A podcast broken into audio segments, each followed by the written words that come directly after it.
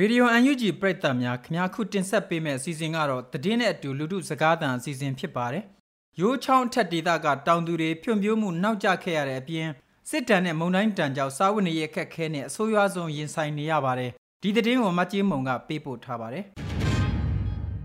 ရခိုင်ပြည်နယ်ကြောက်တော်မြို့နယ်ရှိရိုးချောင်းထက်ဒေသကတောင်သူတွေမှာတိုက်ပွဲတန်ကြောင့်အိုးအိမ်ဆုံးခွာခဲ့ရပေမဲ့အသက်မွေးလုပ်ငန်းအစားထိုးနိုင်တာမရှိလို့အန်ဒီရဲ့ကြားမှာပဲ မီယိုဖလာတောင်ယာလုပ်ငန်းကိုတွားရောက်လုပ်ကိုင်နေကြရတာဖြစ်ပါတယ်။ပြီးခဲ့တဲ့မေလ14ရက်နေ့ကတိုက်ခတ်ခဲ့တဲ့မိုခါမုန်တိုင်းကြောင့်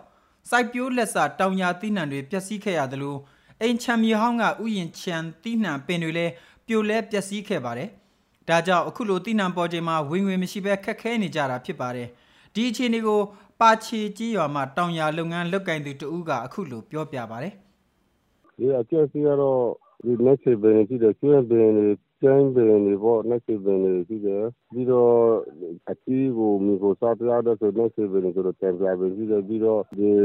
ဒီမြေပင်တွေပေါ့ဒီမြေကြီးဒီမြေပင်တွေရှိတယ်အဲ့ဒါမရှိတော့ကျွန်တော်တို့မှာဒုက္ခတွေရရတာပေါ့ဒီမောကကြတာကိုယ်ကပြည့်အရင်ကဆိုရင်မောကမလာခင်ကဆိုရင်ကိုလို့ဆင်ကြရတယ်ဒီအစီတွေရောင်းပြီးတော့ဒီတံပြကြီးတွေရောင်းဒီမြေကြီးတွေရောင်းပြီးတော့အခုအခုမျိုးရတီမျိုးဆိုရင် အခုတော့ မကမှုတဲ့နဲ့အကုန်လုံးပါတော့ပြီဆိုတော့ မရောရဘူး အခက်ခဲကြုံတယ်ဒီတောင်ယာမှာလည်း အဲ့ဒီလိုပါပဲ တောင်ယာမှာလည်းဒီမိုခါနဲ့ အကုန်ကျဲတာရှိတယ်ဒီပြန်ပြီးတော့ စိုက်ဖို့ဆိုတာလည်း ဒီ next level အကုန်ပြည့်စည်တယ် ဆိုတော့ ပြန်ပြီးတော့ စိုက်ဖို့ဆိုတာလည်း မတတ်နိုင်ဘူးလေဒီအခုဝင်နေကအဓိကလေရိုးချောင်းထက်ဒေသမှာ မြို့လူမျိုးများ အများဆုံးနေထိုင်တဲ့ ဖက်ဝန်ချောင်းခရုတိုက် တောင်ပေါက် လမုံကိုင်းတလူချောင်း စတဲ့ကြေးရွာပေါင်း30လောက်ရှိပြီး အဲ့ဒီဒေတာနဲ့အခြားဒေတာတွေကိုဆက်သွယ်ဖို့ကရေလန်းခရီးသာရှိပါတယ်။ရိုးချောင်းဒေတာရဲ့ပညာရေးနဲ့ကျန်းမာရေးကဏ္ဍမှာလည်းဆရာဆရာမတွေဖြန့်ပြမှုအားနည်းတဲ့အဲ့ဒီဒေတာမှာတာဝန်ထမ်းဆောင်လူစိတ်မရှိတဲ့အတွက်ဒေတာကန်တွေမှာအသက်မဆုံးရှုံးသင့်ပဲဆုံးရှုံးရတာတွေဖြစ်လာပါတယ်။ဒီအခြေအနေကိုဆိုပါဒေတာခံကအခုလိုဖြစ်ဆက်ပြောပါတယ်။ ကျမ်းမာရေးကြတော့ကျွန်တော်တို့ဒီအထက်ပိုင်းရုပ်ချုံအထက်ပိုင်းပေါ့အောက်ပိုင်းဆိုတော့ဒီကျမ်းမာရေးဌာနရှိတယ်ကံကောက်ဒီကျမ်းမာရေးဌာနရှိဒါပေမဲ့ကျွန်တော်တို့အထက်ပိုင်းမှာကျမ်းမာရေးဌာနခွေးဆိုပြီးတော့မှရှိပါတယ်ရှိပြီးတော့ဒီတိုက်ပွဲကာလဒီ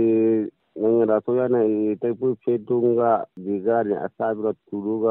တခါမှမလာတော့ဘူးဒီကျမ်းမာရေးဌာနကလေသူငယ်လေးနဲ့လောက်ရှိပြီးတင်တယ် အမှန်မှဆိုရင်ကျွန်တော်တို့ဒေတာပေါ်ကျမကြီးဌာနကုတခုရှိတယ်ဆိုရင်အဲ့ဒီမှာအခြေစိုက်နေရမှာပေါ့ဆရာမတို့မဟုတ်ဆရာတယောက်ကြီးဒီကျမကြီးဝန်ထမ်းနေရပါအခုတော့ဒီသူတို့ကဘယ်လိုမျိုးဆိုတော့ဒီအောက်ပိုင်းကနေကျွန်တော်တို့မဒီကခွေစေ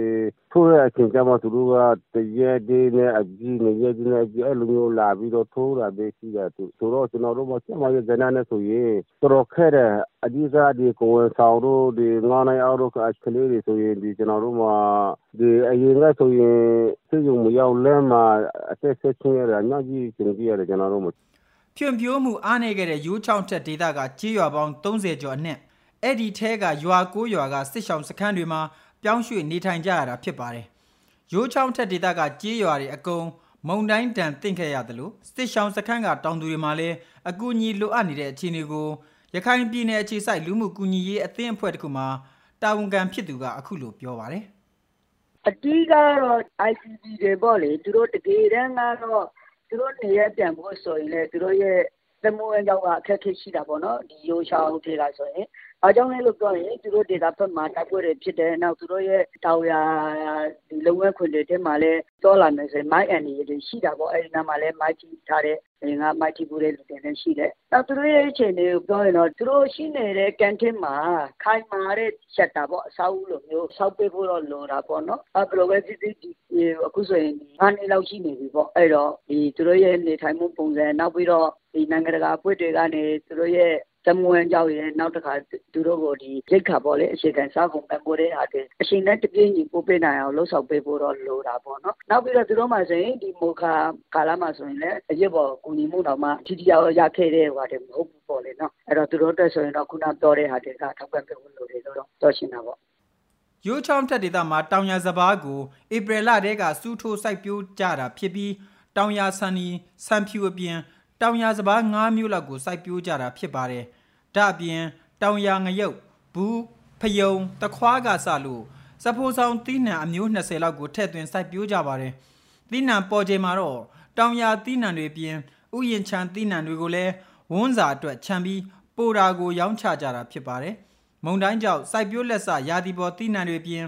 ဥယျင်ချံသီးနှံအပင်တွေပါပြိုလဲပျက်စီးသွားခဲ့ကြတာဖြစ်ပါတယ်။ဒါကြောင့်အဲ့ဒီဒေသကတောင်သူတွေမှာသီးနှံပင်တွေအစားထိုးပြန်လဲစိုက်ပျိုးဖို့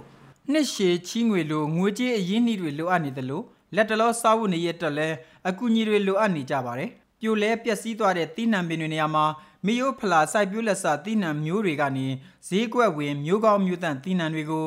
နီးပညာနဲ့တကွာအစားထိုးပေးနိုင်ဖို့လဲလိုအပ်နေပါတယ်။မိုခါမုန်တိုင်းကြောင့်စိုက်ပျိုးရေးလုပ်ငန်းများထိခိုက်ပျက်စီးမှုတန်ဖိုးက